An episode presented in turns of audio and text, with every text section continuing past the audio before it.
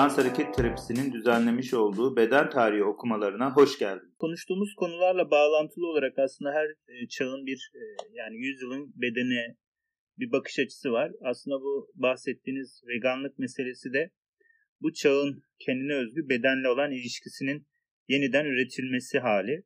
Bunu niye yapıyor? Bunu anlamak aslında biraz da bedenin tarihini anlamakla ilişkili bir yerden baktığımızda kitapla bağlantı kurarak ilerlemeyi e, istedim ben de. Şimdi biz geçen hafta şunu e, inceledik. Beden özellikle Ortaçağ Avrupa'sında beden bir şekilde e, İsa'nın bedeniyle örtüşerek bir bir bütünleşme hali yaşamış. Yani ben İsa'nın, İsa peygamberin bedeniyle ilişkiye geçersem büyük bütünlükle yani bütün insan kitlesi, bütün insanlık tarihiyle ve bütün yaşamla, bütün canlılıkla bağlantı kurarım diyerek İsa'nın bedenini kendi bedeninde hissetmenin yolunu bulmuşlar. Bunu araştırmışlar. Bu Ortaçağ Avrupa'sında Hazreti İsa ile oluyor. Bu, bu, bu coğrafyada başka bir peygamberle oluyor. Öbür coğrafyalarda başka bir dinsel inanışlı oluyor. Yani her mekanın işte İnkalarda, Mayalarda mesela geçen şöyle bir görüntü gördüm. Ekvator üzerindeki bütün dinleri sıralamışlar. Yani böyle haritalandırmışlar. Neredeyse düşün bunlar bütün inanışların yani birbirinden farklı yüzyıllarda ortaya çıkmış inanışların mabetleri benzer. Yani bu çok ilginç bir şey. Ekvator üzerindeki tüm kuşaktaki dinlerin böyle kendi mabetlerine baktığında işte mesela Maya ve İnkaların medeniyetlerinde bakıyorsun üçgen şeklinde hani Türkler var. Bakıyorsun ortaça şey Avrupa'ya bakıyorsun yine ona benzer şeyler işte Mısır'da falan hani daha bu tarafa gidiyorsun Tibet ya da oralarda da yine benzer şeyler var. Aslında benzer konuları benzer şekillerde ama farklı dinamiklerle yapıyorlarmış gibi bir şey hissettiriyor bana. Bu ikinci bölümde Mesih'in bedenine katılmak bölümünde e, şunu görüyoruz aslında. Bu özdeşleşme olduktan sonra insan bedeninden ne isteniyor? Yani deniliyor ki e, siz İsa'nın bedenini tamam bir e, ritüel olarak, büyük bütünlüğün parçasına ulaşmanın bir yolu olarak, cennete gitmenin bir parçası olarak, bu hayatın altından kalkabilmenin bir yolu olarak İsa'nın bedeniyle bütünleşmek istediniz. Tamam bunun bedeli nedir deniliyor ve artık bu bedenle bütünleşmenin yolları araştırılıyor. Bütün orta çağ boyunca bakıyorsun mesela çeşitli şekillerde İsa'nın işte kafasından tut ayaklarına kadar, İsa'nın giysilerine kadar, İsa'nın dolaştığı yerlere kadar. Bütün bunlar e, ve İsa'nın yaptığı, yaşamında yaptığı şeyler artık insanın onunla bütünleşmesinin bir parçası haline gelmeye başlıyor. Ve burada kitabın Mesih'in bedenine katılmak bölümünün e, bazı bölümlerinde bu şu şekilde nitelendirilmiş. Bedene hak ettiği cezalar vererek ona ulaşma. Ben e, yine Alice Miller'in kitabından bir örnek vermek istiyorum bu konuyla. Alice Miller benim çok sevdiğim bir e, psikanalist. E, onun şu anda okuduğum bir kitabı var Hayat Yolları diye. Orada bir kadının bahsediyor. E, şöyle bir doğum gerçekleşiyor. Kadın e, doğal koşullarda doğum yapıyor ve e, o sırada işte ona eşlik eden doktorlar falan var elinde. Hı hı. Yanlış hatırlamıyorsam. E, ve tam o anda kadın e, bir şekilde istediği o doğum sancılarını yaşayamıyor. Çocuk e, bir süre içeride kalıyor, çıkamıyor dışarıya ve o anda kadın e, öncesinde e, tecavüze uğramış. E, işte bu bir travma olarak tam o doğum anında e, aklına geliyor ve e, eşi de kadın e, kadının bütün duygularını yaşaması için ona gerekli alanı, sıcaklığı tanıyor, ortamı tanıyor ve hiçbir uyuşturucu olmadan kadının yaşadığı bütün duyguları yaşamasına izin vererek kadın o doğumu yapıyor ve bebek de burada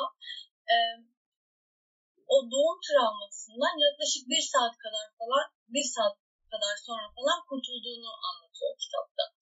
Ben yine bunun e, hani bu çileciliğin böyle bir yerden geldiğini düşünüyorum. Çünkü oradaki bebeğin psikolojisi şu. Diyor ki ben şu anda annemin karnından dışarıya çıkarken bir sürü şey yaşıyorum ama annem yalnız. Annem e, ben, beni anlamıyorlar burada şu anda geldiğim dünyada ve hani bebeğe bir sanki şey gibi yaklaşılıyor. Zekası olan, algılayan bir canlı değil de sadece işte e, annenin karnından çekip çıkarılması gereken bir şeymiş gibi yaklaşılıyor. Ve bebek bunu kendi suçu zannediyor. O acıyla baş başa bırakılıyor bebek. Ve bu e, saltılmadığı zaman, regüle edilmediği zaman bedende kayıtlı olarak kalıyor ve ilerleyen yaşlarda ben acının da biraz böyle bir yerden geldiğini düşünüyorum. Çünkü içeride anlayamadığımız bir travma e, o donuk bir şekilde kaslarımızın içinde kalan şey bize acı veriyor zihnen de ruhen de. Ve bizim bir şekilde bunu anlamamız gerekir ki hayatımızda e, bu travmanın yani bu bilginin e, hayata çok daha farklı bir şekilde işlenmesi için aracı olabilir. Ve çilecilik de aslında bu bilgi bu şekilde anlaşılmadığı için bedene zarar vererek işte e, işkenceler yaparak gerek dövme yaparak ne bileyim piercing yaparak e, body art bağlamında kendini sağlandırarak geçen de bahsetmiştim Tendeniz kitabından. Böyle bir yerden geldiğini düşünüyorum. O dönemdeki insanların da aslında birazcık bunu yaşadığını düşünüyorum. Tabii o dönemlerde böyle bilgiler yoktu. Bir kişi daha katıldı aramıza. Feyza geldi. Galiba benim arkadaşım olan Feyza. Feyza Aygün. Ama gitti.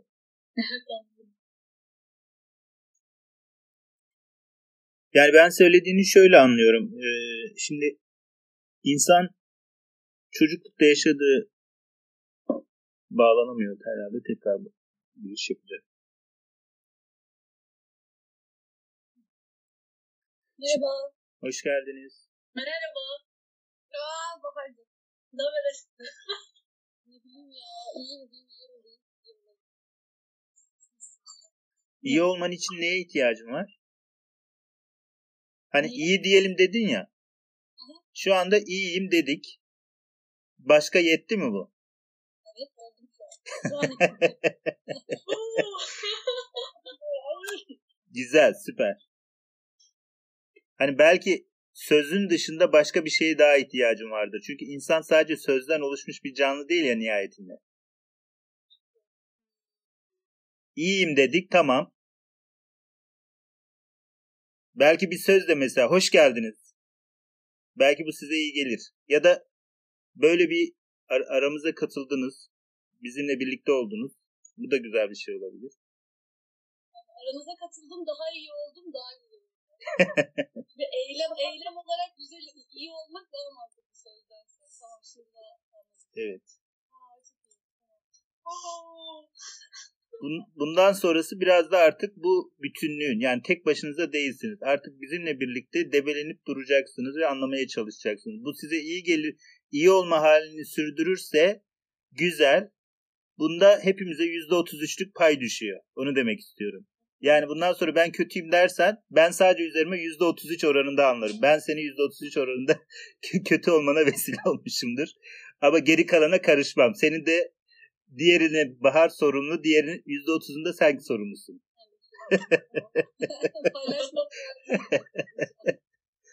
Böylece sana şey fırsatı da veriyoruz. Eylemde bulunman için açık bir alan açmaya çalışıyoruz. Ve eğer o alanda kendim eksik olursam da destekçi olarak artı 33 33'lerim yanımda. Evet, evet. o zaman tekrar hoş geldiniz. Şimdi biz geçen hafta e, şeyi konuştuk.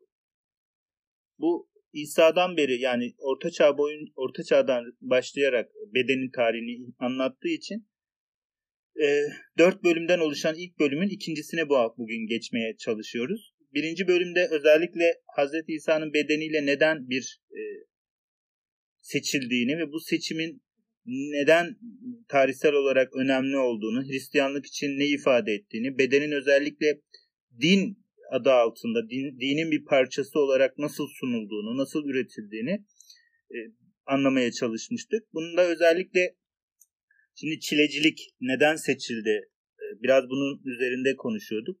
Bahar'da şey söyledi. Yanlış anlamadıysam e, hani sen de fikrini belirt lütfen.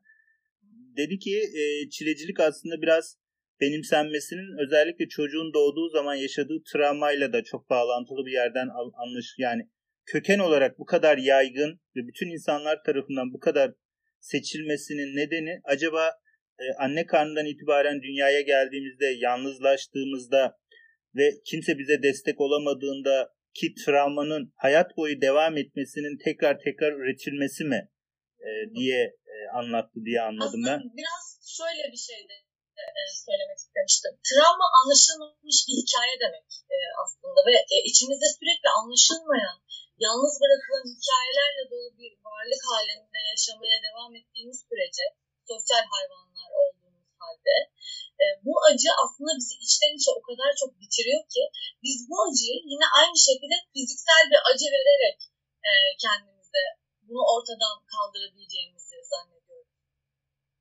Yani sadece bebeklik değil, bebeklikten sonrası da e, yani o 0-7 yaş e, süreci ve sonrası içinde. Ben şöyle bir şey aklıma getirdi. Bitti mi söyleyeceğin şey? Evet. Sadece bir e, çağrışım geldiği için hızlı şekilde söylemek istedim. Çünkü unutacağım büyük ihtimalle. Şöyle bir şey. E, aslında şimdi çocuğun kendi bedeninin farkına varması. Evet benim bir bedenim var. Ve bu bedenin bazı ihtiyaçları var. Yemek, içmek, işte tuvalet gibi işte. Ve bir bakıyor sadece bu yetmiyor. Birilerinin kendisine ilgi göstermesi, sevmesi, sevilmesi meselesi de devreye giriyor zaman ilerledikçe. E, bakıyor bu da yetmiyor. Bir şeyler yapması gerek. Bunun için çaba harcaması gerektiğini anlıyor. Geriye dönelim. İlk başta zaten bedeni tanımaya başladığı zamanlar çocuğun özellikle yürümeye başladığı zamanlar. Şimdi yürümeye başlaması aslında şunu ifade ediyor. Ben bu bedeni yani önceden de farkına varıyor da yürümek aslında büyük bir eylem onun için. Şimdi Bence biraz sınırlandırmak oluyor. Nasıl? Hareketi sınırlandırmak oluyor. Çünkü hareket her zaman var. Yani ben elimi böyle kaldırdığımda da bir hareket var. Durduğumda da zaten durduğum yerde bir hareket var. Ve Tab- bu bebek için de geçerli. Yani annesinin karnındayken aslında o yüzüyor. Çok farklı bir hareket de var orada. Ve doğduğu zaman da yine bir şekilde e, ilk başta sağa dönüyor, sola dönüyor, ufak ufak emekliyor. O küçük hareketler devinerek zamanla e, büyüyor. Ve o devinme sürecinde anne baba ne kadar e, bilinçli olup çocuğun duygularını regüle etmeye ve onun e, egosunun oluştuğu bir süreçte anlamaya e, müsait olursa çocuk o kadar e, gerçekten ayakları sağlam yere basan bir birey olarak yürüyebiliyor. Aslında en büyük olay diye tanımladığımız şey e, diğer olayların görünmemezliğinden e, süre geliyor. Ben bir şey gibi bir şey istedim de merakımdan aslında. E, farkındalığı belki yürürken oturuyor ya da bir şeyleri elleyip mıncıklayıp hani o psikomotor becerileri geliştikçe zihinsel farkındalığı artıyor. Onun öncesindeki hareketler hep içgüdüselmiş gibi geliyor bana. Hani gelişmemiş ve olgunlaşmamış. Eğer farkında olsa belki ayağını ağzına sokmaz zaten hani oynarken gibi de geliyor. O yüzden bir yandan aklıma da şöyle bir soru geliyor. Yani bilginiz varsa diye de meraktan. Ee, hareketin farkındalığı gerçekten sen eyleme geçtiğin ve bir şeyleri yaptığın da mı gelmiştir? Hani bilmediğim için biyolojik olarak. E, o içgüdüden farkındalığa geçiş süreci nasıldır bilemedim. Bunu şöyle açıklamaya çalışalım ya da an, birlikte anlamaya çalışalım. Herkes kendi iç dünyasına uyananı paylaşsın bence. Şimdi çocuğun anne karnından itibaren duysal girdilerin olduğunu biliyoruz. Evet bir hareket halinde zaten. Hareket halinde olmasa büyüme süreci gerçekleşmez ya. Büyümenin kendisi zaten başlı başına bir hareketin büyümesi ya aynı zamanda. Yani küçücük bir e, spermle yumurta yan yana geliyor. Sonra bunlar parçalanıyorlar, çoğalıyorlar. Hep hareket aslında baktığın zaman. Çok hareket. Yani sonra çoklu hareketlere başlıyor. Organlar oluşuyor. Yani baktığın zaman aslında birbirinin içinden doğan bir sürü sistemler oluşuyor ve koca evrenler oluşmaya başlıyor. Sonra bunlar bedenle bütünleşmeye başlıyorlar. Sonra doğuyoruz. Sonra hareketler annenin e, ritmiyle uyumlanıp yürümeye kadar benzer bir formda gidiyor. Yani hızı aynıymış gibi anne kucağında ya da yerde hareket yani şöyle bir şey. Tabii ki bu, bu kalıp sonuçta biz anlamaya çalışıyoruz. Bu benim anlatmaya çalıştığım şuydu. Şimdi bedenin kendini hissettiği özellikle acıyla tanışmasını diyelim anlamaya çalışalım. Çocuklara baktığın zaman zaten e, karnı acıktığında bir acı hissediyorlar zaten. Ya da e, annesi onun yanına gelmediği zaman hani mesela ağlıyor, annesini çağırıyor konuşamadığı için. Annesi gelmeyince acıyı hissediyor zaten. E, çünkü midesi ya da işte tuvaleti geliyor mesela yine acıyı hissediyor. Ama çocuğun özellikle bir bedensel farkındalığı sanki e, şöyle bir durumdan sonra daha mı farklı bir boyut kazanıyor diye ben özellikle yürümeyi söylemek istedim. Yürüdükten sonra aynı senin de söylediğin gibi e, mesela bir şey eline alıyor sıcak oluyor mesela. Düşün. Daha bir acının farklı biçimlerinin olduğu daha böyle bir hissetmeye başlıyor. Ya da bir şeye çıkıyor pat düşüyor. Bütün bedeni artık daha bir acıyla e, oluşmaya başlıyor. Yani acının sanki farklı farklı versiyonlarını yürümeye başladıktan sonra deneyimlediğini varsayalım. Ki öyle de oluyor görüyoruz zaten. Yani yürümeyle birlikte o keşif süreciyle o dünyayı yeniden tanımlama, yeniden oturtma, yeniden anlaşılma sürecinde. Çünkü ben de kendimi var ediyorum. Ha buna dokunulmaz, buna dokunulur. Buranın üstüne çıkılmaz, buranın üstüne çıkılır. Bu kişinin yanına gidilir, bu kişi ben bu kişi beni dövüyor. Mesela ne yapıyoruz? Artık çocuk da kendini inşa ediyor aslında. Bir benlik inşası gerçekleşmeye başlıyor. Yani şunu demek istiyorum aslında. Acının versiyonları bir şekilde sanki yürümeyle birlikte çoğalıyor, çeşitleniyor ve sonra da zaten şunu öğrenmeye başlıyormuş gibi görünüyor. Ben bazı acılardan kaçınayım. Bazı acıları zaten yaşamak zorundayım. Bazı acıları da birilerinin sayesinde hafifletiyorum. İşte annem beni gelip severse, korursa.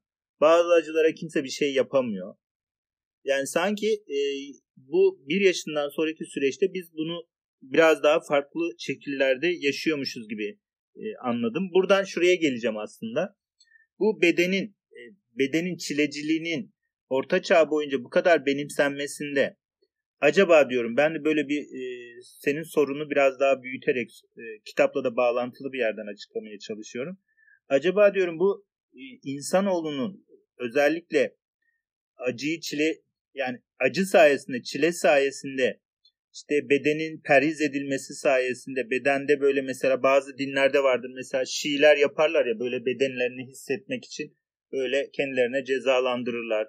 Bazıları mesela başka başka bedenini hissettirmek için baya böyle bir acı üzerinden ilişki kurarlar. Bu bu yürüme insanoğlunun hani bebeklik çocukluk çağıyla ilişkisindeki benzer şeyleri e, tekrar tekrar yaşaması gibi bir şey mi diye düşündüm açıkçası. Bilmiyorum anlatabildim mi? Kafanızda bir şey oluşturdu mu bu söylediğim? Bu Joseph Chatham Pearson kitabında bunu matris olarak tanımlıyor anlattığımız şeyi. Ee, çocuk diyor ilk annesinin karnındayken anne o rahim matrisiyle e, dünyaya başlıyor.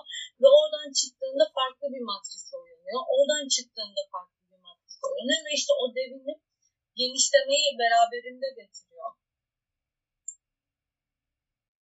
O zaman şimdi şöyle bir soru soralım. Bunu biraz daha günümüzdeki versiyonuyla ilişkili bir yerden ele alalım ki bu çilecilik meselesi yani insanoğlu orta çağda niye bir bir insanın peygamber gibi büyük bir insanın bedeninde bütünleşme, özdeşleşme hali ortaya çıktı ve daha sonra bunu çilecilik üzerinden anlamlandırmaya çalıştı. Yani acı çektirme üzerinden onu böyle yakınlaşmanın, bütünleşmenin, bir araya gelmenin, o bedenle hemhal olmanın e, bedelini acı üzerinden neden e, ne diyelim Hı. neden oluşturdu? Şöyle bir şey e, aklıma geldi. Yine Alice Miller'ın e, kitabında bahsettiği bu sahte benlik ve gerçek benlik e, ayrımı var. Sahte benlik bu işte demin e, yine bahsettiğim doğuyor çocuk ve bütün o acılarla yaşadığı duygularla baş başa kalıyor. Bu e, duyguları kendisinin hatası ve suçu zannediyor ve e, bir noktada anne babasından nefret edemediği için, anne babasına karşı içinde bastırdığı o duyguları yaşayamadığı için sahte bir benlik oluşturuyor. Yani çünkü onların anne baba çocuğu dünyaya getirerek e, bu sorumluluğu yüklenmiş ve bunu yapmamak bir çocuğu aslında istismar etmek, ihmal etmek oluyor. Dolayısıyla işte bir sahte benlik gelişmeye başlıyor toplumla e, ve anne babasıyla uyumlu bir şekilde yaşayabilmesi için. Biz e, yogada da bu vardır mesela benliği öldürmek e, denir. Ama işte o benliği öldürmek gerçek benliğini öldürmek değil de o sahte benliğini öldürmek. Yani kendini hani bu kendini sevmeme konusu da yine aynı şeyin içine geç, e, giriyor. Bu e, şimdi herkesin konuştuğu bir şey var. E, şunu yaparsam kendimi severim, bunu yaparsam kendimi severim. Eğer kendimi sevemiyorsam zaten e, sahte olan bir benlikle bağdaştığım için kendimi sevemiyorum ve bunu dışarıda öldüremediğim için içeride öldürmeye çalışıyorum o sahte olanı. Dolayısıyla kendime zarar veriyorum. Bunun günümüzdeki örnekleri de çok fazla yani hani belki o zamanlar insanlar ellerine çivi çakıyorlardı ama şu anda da işte o acıdan kurtulabilmek için bedenlerine e, zararlı yiyecekler e, alıyorlar. Ne bileyim, sigara içiyorlar, alkol içiyorlar. E, yani çok çeşitlendirebiliriz bunu. Kendine zarar vermenin çünkü ama es, esas e, hesaplaşma e, anne babamızın neden bizi ihmal ettiği, neden bizi istismar ettiği. Bu soruya uyanmak o kadar önemli ki. Ben böyle çok tek- teknik ya da bilgi olan bir yerden e, an- anlatamıyorum. Hani böyle bir kanıt değil ama kendi yorumlarımı Zaten önemli olan o. Şöyle bir yerden e, anlatmıştım da ben de bu e, dinlerde hepimizin zaten Türkiye'de yaşadığımız için otomatik bir din şeyi eğitimi altında kalıyoruz da hani bildiğimiz. İslam'da da var, Hristiyanlıkta, Orta Çağ'da her yerde var. E, bana şey gibi geliyor, suçluluk algısı çileyi doğuruyor gibi. E, ve işte hani zaten Hristiyanlarda da biz işte hani cennetten kovulduk, suçluyduk. E, işte İslam'da işte cenneti var, cehennemi var, şeytan var. Hani kendini suçlu hissediyorsun. Ee, sonra idealize ettiğim bir gelecek var. Orayı ulaşabilmek için kendini terbiye etmeme arındırman gerekiyor. Ve burada da belki çocukluktan aldığımız o bilgi donanımı, hani ilk her şeyi bedenle kavradığın için belki acıyı da ilk önce bedenle keşfettiğin için, öğrendiğin için his olarak e, direkt bedene darbe ya da bedene şiddetle geliyor ve sanki terbiye etmek kendimizi, o çilecilik bizim idealize ettiğimiz hayata ulaşmak için biletimiz. Orada aslında suçluluğu irdelememiz bana çok daha şey geliyor. Çünkü herkesin hani enerjetik olarak da frekansı düşüren şeylerde diye geçiyor ya zaten hani suçluluk en negatif duygulardan biri gibi. Biz doğuştan bence suçluluk algısını nerede konuşuyoruz ya da kapıyorsak oralara çalışsak gibi. Kendime Günahkar olmaktan bahsediyorum. Günahkarız. Ey, se- ey sefil insanlar siz günahkarsınız. Dünyaya böyle geldiniz. Ölene kadar da böyle yaşayacaksınız. Cennet gibi bir yeri bırakıp böyle bir hayatı içerisine geldiğinize göre siz hak etmiyorsunuz. Hak edin. Ne yapalım yedik de elma yani. şey. Elma falan ez direkt suçlulukla başladık hayata. Elmayı yemeyecektiniz siz. Bu kadar size Yani bu çok önemli bir şey aslında insanın kendisini suçlu hissettir, hissetmesi, hissettirilmesi, sonra buna dair bir yaşam kurgulaması ve bunun içerisinde hep acının da mutlaka olmazsa olmaz ve bu acıyı sürekli hatırlatacak her şeye boyun eğmek, her şeyi hayatının içine sokmak. Yani acıyla acı üzerinden bir hayatı yaşamak. Yani burayı gerçekten cehenneme çevirmek ve gerçekten cennet diye bir şeyin de var olabileceğini e, düşünüp hani orayı kurgulayıp bütün bu sefaletin, bütün bu e, günahkarlığın bedelinin orayla bütünleşeceğini düşünmek. Aslında gör, ben şöyle düşünüyorum. Yine bir büyük bütünlük var. Bu büyük bütünlükte bir parçalı parçalı halimiz bütünleşecek. Ama biz bunu bugün günah üzerinden, acı üzerinden, çile üzerinden, perhiz üzerinden, şehit olma üzerinden, ne bileyim işte farklı farklı daha bir sürü dinamik var. Bu kitap aslında buraları çok güzel işlemiş. Ee, mesela kalıntılar, beden, bedenin ölen bedenler üzerinden, ölen bedenlerin kültü üzerinden. Yani mesela e, üçüncü bölümde bu çok tartışılıyor. Aslında direkt üçe geçmiş oldum ama e, ik- ikinci bölümde de farklı şekillerde bu nasıl olabileceğini dile getirilmiş.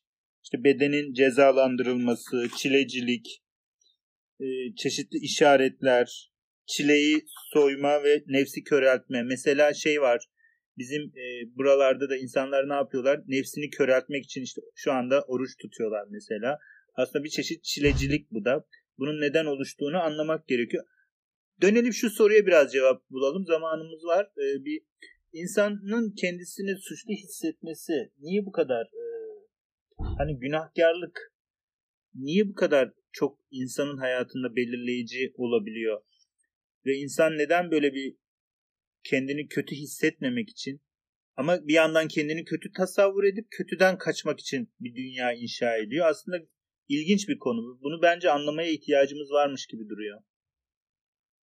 Ya suçluluk duygusu zaten direkt bize veriliyor doğada ama biz bunu kendi doğamızda edinmiyoruz.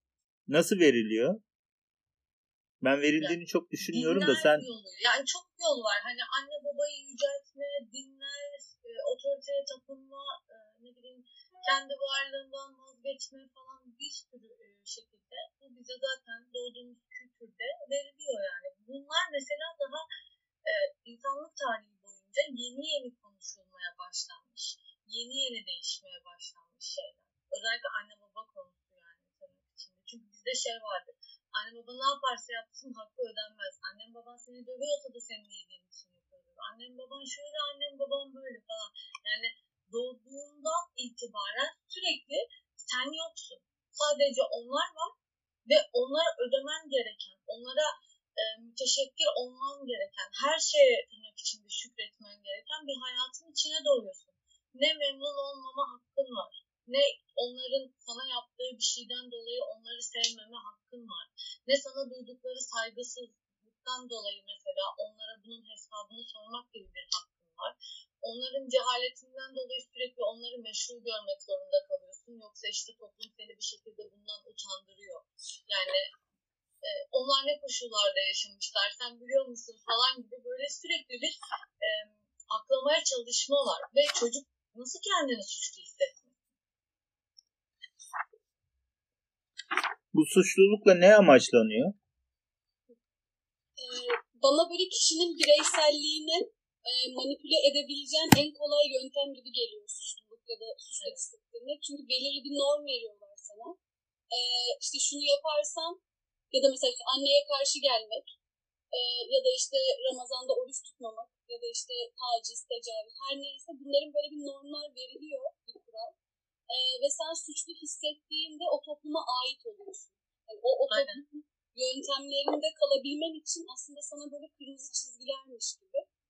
Ee, ama bireyselliğini öldürüyor da gibi bir yandan. Çünkü sen o şeyin belki de doğru yanlış olduğunu deneyimleyerek bileceksin. Ama önceden edinilmiş bilgilerle hep sana yaptalanıyor ve sen suçlu hissediyorsun. Kontrol etme çabası doğru. Ben de böyle düşünüyorum. Ve hani mesela bu biraz koşulsuz sevgiye de e, giriyor. Yani ben koşulsuz sevgiye inanan biri değilim açıkçası. Çünkü her şey belli koşullar doğrultusunda olmak zorunda yani. Böyle bir dünya yok. E, biz birbirimize eğer saygı duymadığımız, e, saygı duyduğumuz koşullardaysak birbirimizi sevebiliriz. Her şeyin belli gereklilikleri vardır. Yani bir bina yapmak için e, temellere, ortamın e, uygun olup olmadığına, bir koşula ihtiyacımız vardır. Ve bu hani e, ne yaparsa yapsın, e, işte o insan e, bize kötü davransa da saygısızlık yapsa da işte onun travmalarına bakarak onun ne kadar acı çektiğine bakarak onu aklayıp onu sevmeye çalışma çabası gerçekten çok büyük bir yük. Ve yani bunu yapan kişi kendini de sevmiyor. Şimdi sen birkaç şey söyledin. Bunların bende çağrıştırdıklarını ben kısaca anlamaya çalışayım kendimle. Şimdi insanın e, suçlu ya ben suçlu dünyaya geldiğimizi çok düşünmüyorum. Ama dediğin gibi toplumsal sistem insanın insanlaşma süreci içerisinde insan kültürüne edinmesi süreci içinde öyle söyleyeyim. Yani insanın insan olması tek başına olmuyor. Yani sen doğada büyüdüğün zaman böyle e, tek başına yaşadığın zaman yani tek başına bir bebeği koy ölüyor. Hani böyle çeşitli hikayeler var. Hayvanların büyüttüğü hikayeler var. Onlar da mesela toplum içerisinde kazandırılmaya çalışıldığında çok da başarılı sonuçlar elde edilmemiş. Yani bu, bu şu anlama geliyor aslında. İyi insanın insan olabilmesi için ötekinin insan olmasına ihtiyacı var. Yani iyisiyle kötüsüyle bir insana ihtiyacı var.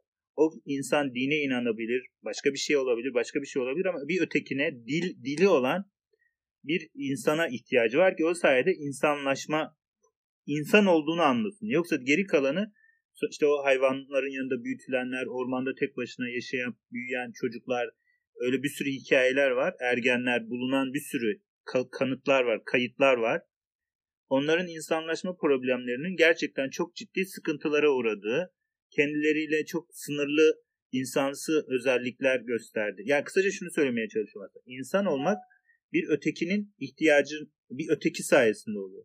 Şimdi bu soru şu aslında. Bu öteki ne yapıyor da bize biz kendimizi suçlu hissediyoruz.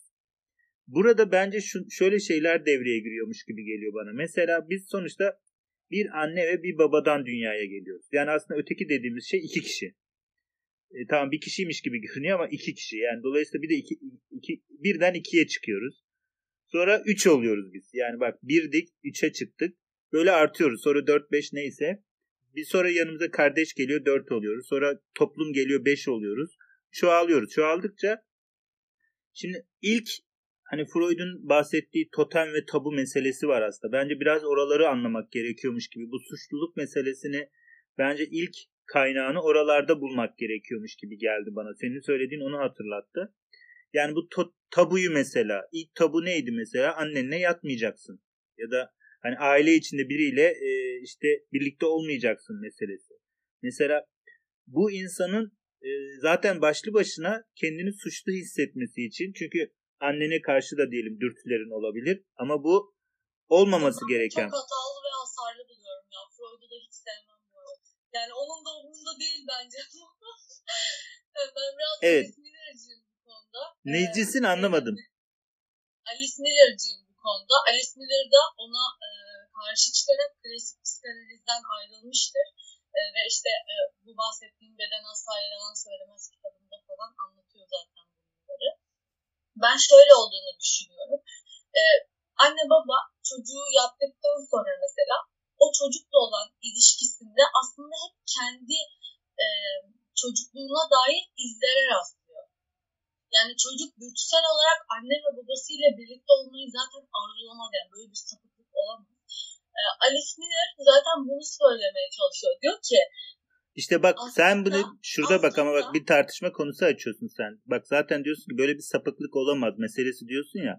İnsanlık kültürünün başında kabileler halinde yaşadığı zaman insanlar e, anneleriyle kız kardeşleriyle yatıyordu zaten. Bu sapıklık meselesi değil. Bu o dönemin kendi içinde anlamlı ya da anlamsız. Biz orayı geçelim. Doğru ya da yanlış. Orayı geçelim. ama Kültürel şey, olarak seç- koşulları ve o zamanın medeniyetiyle şu anın medeniyeti Bu bir değil. Yani mesele ama bak mesele şu. bilinciyle geçmişe saldıracak halimiz yok yani. Bak şöyle bir şey söyleyeyim. İzninle biraz orayı anlatayım. Sanırım sen e, Alice Miller tarafın devreye girdi ve şey yapmaya başladı. bir şey anlatacağım. Sen de fikrini söyle. Şimdi bak insanlık kültürünün başlangıcında insan oğlu yani insanlar bir araya geldiğinde bir kültür oluşturmaya çalışmadan önce böyle şeyler yapılıyormuş tamam mı? Böyle şeyler oluşmuş. Böyle şeyler seçilmiş. Bu gerçekleşmiş, hayata girmiş, hayatın içinde bir yere gelmiş. Ne zaman ki insanlar bunun sıkıntılı bir şey, sorunlu bir şey, hayatın sürdürülmesinde insanların işte ekonomik olarak da ya benim evim, benim arsam, benim e, ocağım demeye başladığı andan itibaren bunun önüne geçmenin yollarını araştırmışlar ve bakmışlar önüne geçemiyorlar. Bir şekilde totem şey tabularla bunu bunu yasaklamanın, bunu dinselleştirmenin, bunu inanışa dönüştürmenin, bunu insanların önünde bir bak böyle yapmazsanız başınıza türlü türlü belalar gelir denilebilecek bir hale geldi. Şimdi ben sana şu soruyu soruyorum. Bu bıraksak tamam mı? Ortada bir medeniyet olmasa, ortada bir kültür olmasa, insanlık kültürü olmasa bütün çoğu insan aynı seviyeye gelse şimdi biz eskiye gö- eskisi gibi değiliz tabii ki ama artık medenileşmiş bir dünyada yaşıyoruz. Ve şeylerin bedelini biliyoruz artık. Benim aklıma annemle işte e, bir arada bir arada yaşayabilmek ya da başka bir şey yapma ihtimalim olduğunda başıma neler gelebileceğini ben biliyorum zaten. Artık bunu deneyimlemişiz, bunu kültürlenmişiz, bunun tabusunu yaşıyoruz, bunun inanışını da yaşıyoruz. Dolayısıyla bunu bunu şu anda sapıklık olarak nitelendiriyoruz ama o yüzyılda bu bir yani insanoğlunu bıraksan tamam mı? Zaten böyle bir şey yaşıyor. Yani demek ki bir yönelim haline girebilir. Medeniyettir bunun önüne geçen. Yani uygarlıktır bunu e, belli bir sınıra, belli bir kurala, belli bir düzene koymuş olan.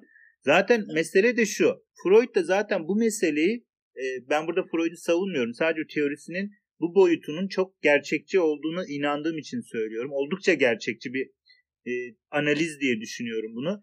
insanın doğasında aile içerisinde ilk yakınlaşmalarının, ilk bedensel temaslarının annesi ya da yakınındaki insana dürtü dürtüsel olarak yönelebileceğinden bahsediyor. Sonra baba sayesinde, babanın yasası sayesinde yani kültürlenme aslında uygarlık baba sayesinde aileye giriyor. Baba sayesinde çocuk da şunu öğreniyor. Diyor ki ha ben bunu yapmamalıyım, yapmamam gerekir. Yoksa aile dışına, kural dışına, düzen dışına, e, toplum dışına itilmeye başlıyorum. Dolayısıyla benim daha olası dahilindeki kültürün, uygarlığın getirdiği e, ne varsa bunu seçmem gerekiyor diyor ve çocuk artık uygarlaşmaya, medenileşmeye, kısaca insanlık kültüründen nasibini almaya başlıyor. Yüzyılların getirdiği bütün insanlık birikimini ebeveynlerinin o kuralları, düzeni ve oluşturduğu şey sayesinde öğreniyor. Şimdi mesele şu gibi görünüyor. Burada çocuk aslında gereği suçluluk hissedecek. Çünkü bu onun elinde değil. Bu verilmiş bir şey gibi mi yoksa anlaşıl hani insanlık uygarlığıyla oluşturulmuş bir şey mi onu çok kafamda oturtamıyorum açıkçası. Ya ben şöyle düşünüyorum. Ee, hani demin bir örnek var. Hayvanlarla beraber yaşayan e, diğer e, insanların e, insansı özelliklerinin olmadığına dair. Zaten sürüngen bir beyinle yaşayan bir varlığın böyle bir duygusunun da olabileceğini düşünüyorum. Ya bu biraz hani bu tür e, edinimler kortekste edinen, edinilen şeylermiş gibi geliyor bana. Gelişmişlikle ilgili yani o dönemlerde bunlar yaşanıyor olsa bile zaten o dönemin insanın yapabildiği şeyler çok belliydi yani. Hani şu an günümüzde yapabildiğimiz şeyleri o zamanlarda e, yapabilmelerini dolayısıyla bekleyemiyoruz ve e, hani bizim şu anki ahlak olarak tanımladığımız e, birçok şeyin o zamanlarda geçerli olmaması zaten doğal. Yani hani bunları tanımlayabiliriz yani. Bu yine bir sapıklık olabilir. Ne bileyim e, istismarı yine aynı şekilde tanımlayabiliriz. E, ihmali yine bir şekilde tanımlayabiliriz. Yani bunların tanımlanmasında bir problem yok. Yargı içermiyor bu tanımlar. Sapıklık derken hani e, ok atmıyorum aslında. Sadece bu bir gerçekten sapkınlıkla ilgili bir şey. Evet. Çünkü bu bunun e, e, doğru koşullarda büyütülen ve e, beyin gelişimi doğru bir şekilde desteklenen bir çocuğun öyle bir yöneliminin olmayacağını düşünüyorum.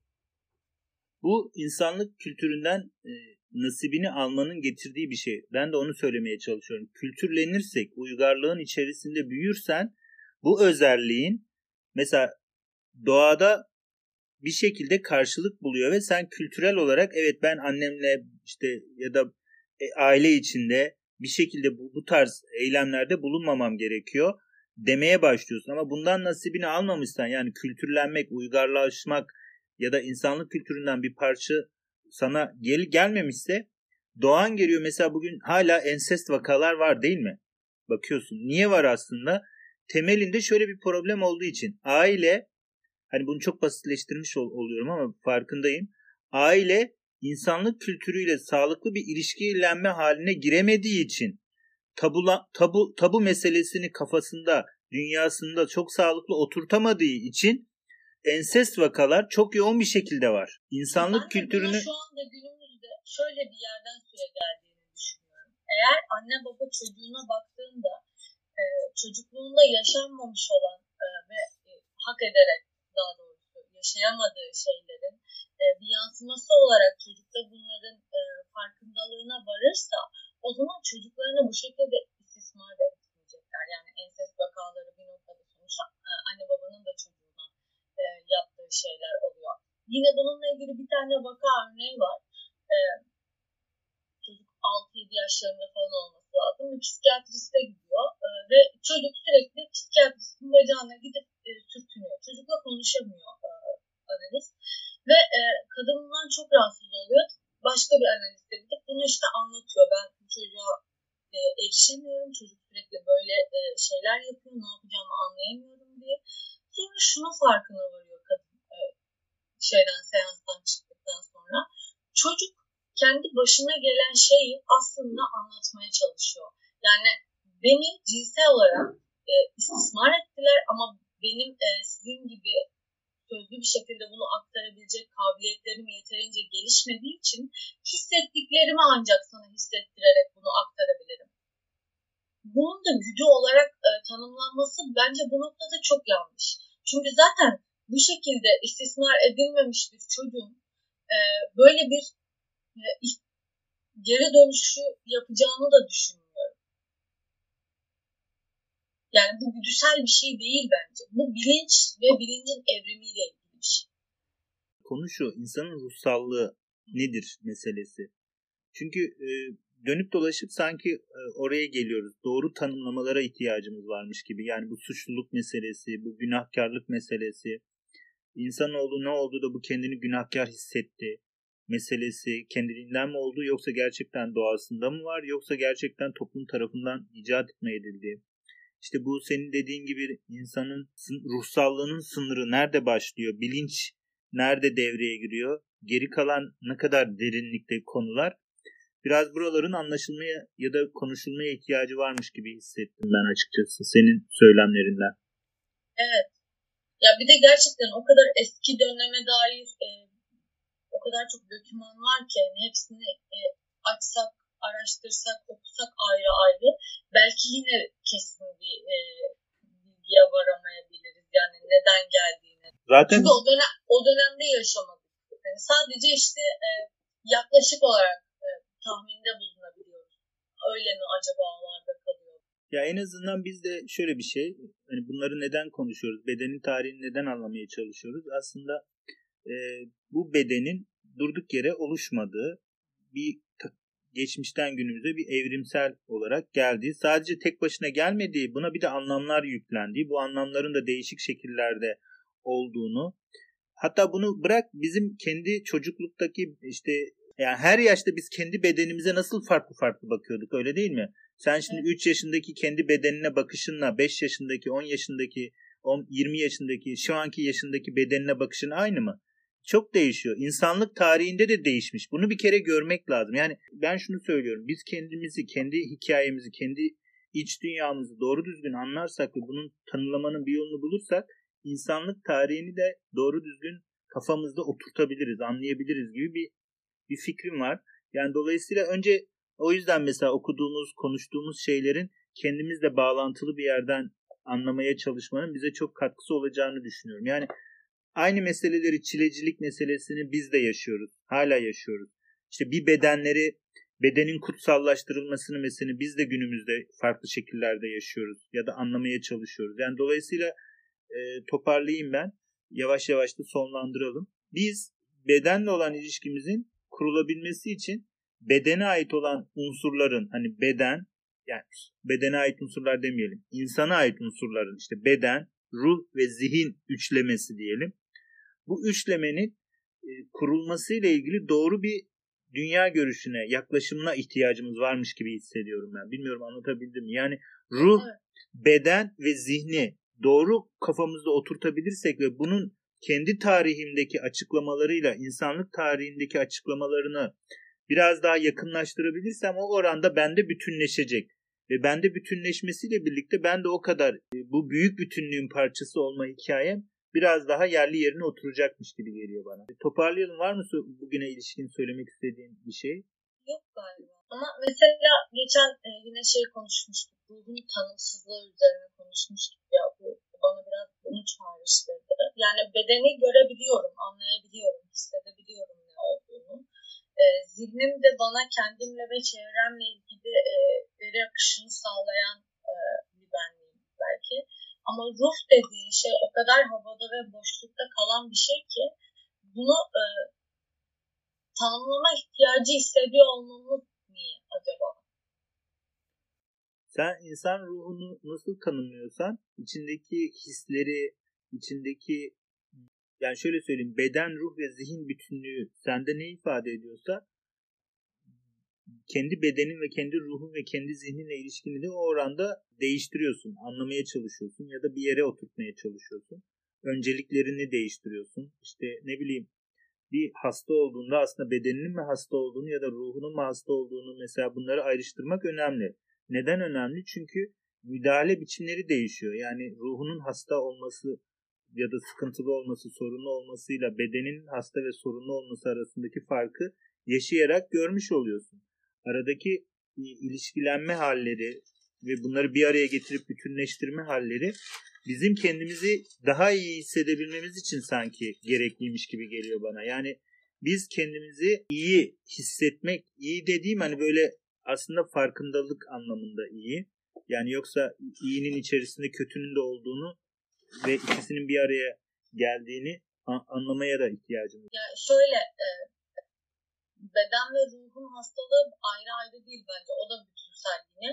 O da bizim içimizdeki çocuğun bize vermek istediği, e, daha doğrusu bizimle iletişim kurma şekli hastalık. Ben hastalığı birazcık böyle görüyorum. E, gerek ruhsal olsun, gerek bedensel olsun bunların hepsi iç içedir. Yani bu anlamda ruhu nasıl tanımlıyoruz? Hastalığın dışında bir tanım bence bu. Çünkü bedeni görebiliyorum hani tayin edebiliyorum ama ruhun ne olduğu konusu mesela çok boşlukta. Hani enerji mi mesela? Böyle diyorsun ve bu soruyla birlikte e, ruh bir enerji mi diyerek burada bırakalım der, derim ben tamam Ama güzel bir soruyla bitirdin. Geçen hafta da güzel bir soruyla bitirdin. Bu hafta da güzel bir soruyla bitirdin. Teşekkür ederim katkın için. Arkadaşına da selam söyle. Geldi. Umarım kendini kötü hissedip ayrılmamıştır. Ben dediğim gibi yüzde yüzde otuz üçlük kısmını ben alıyorum ama geri kalanı almam.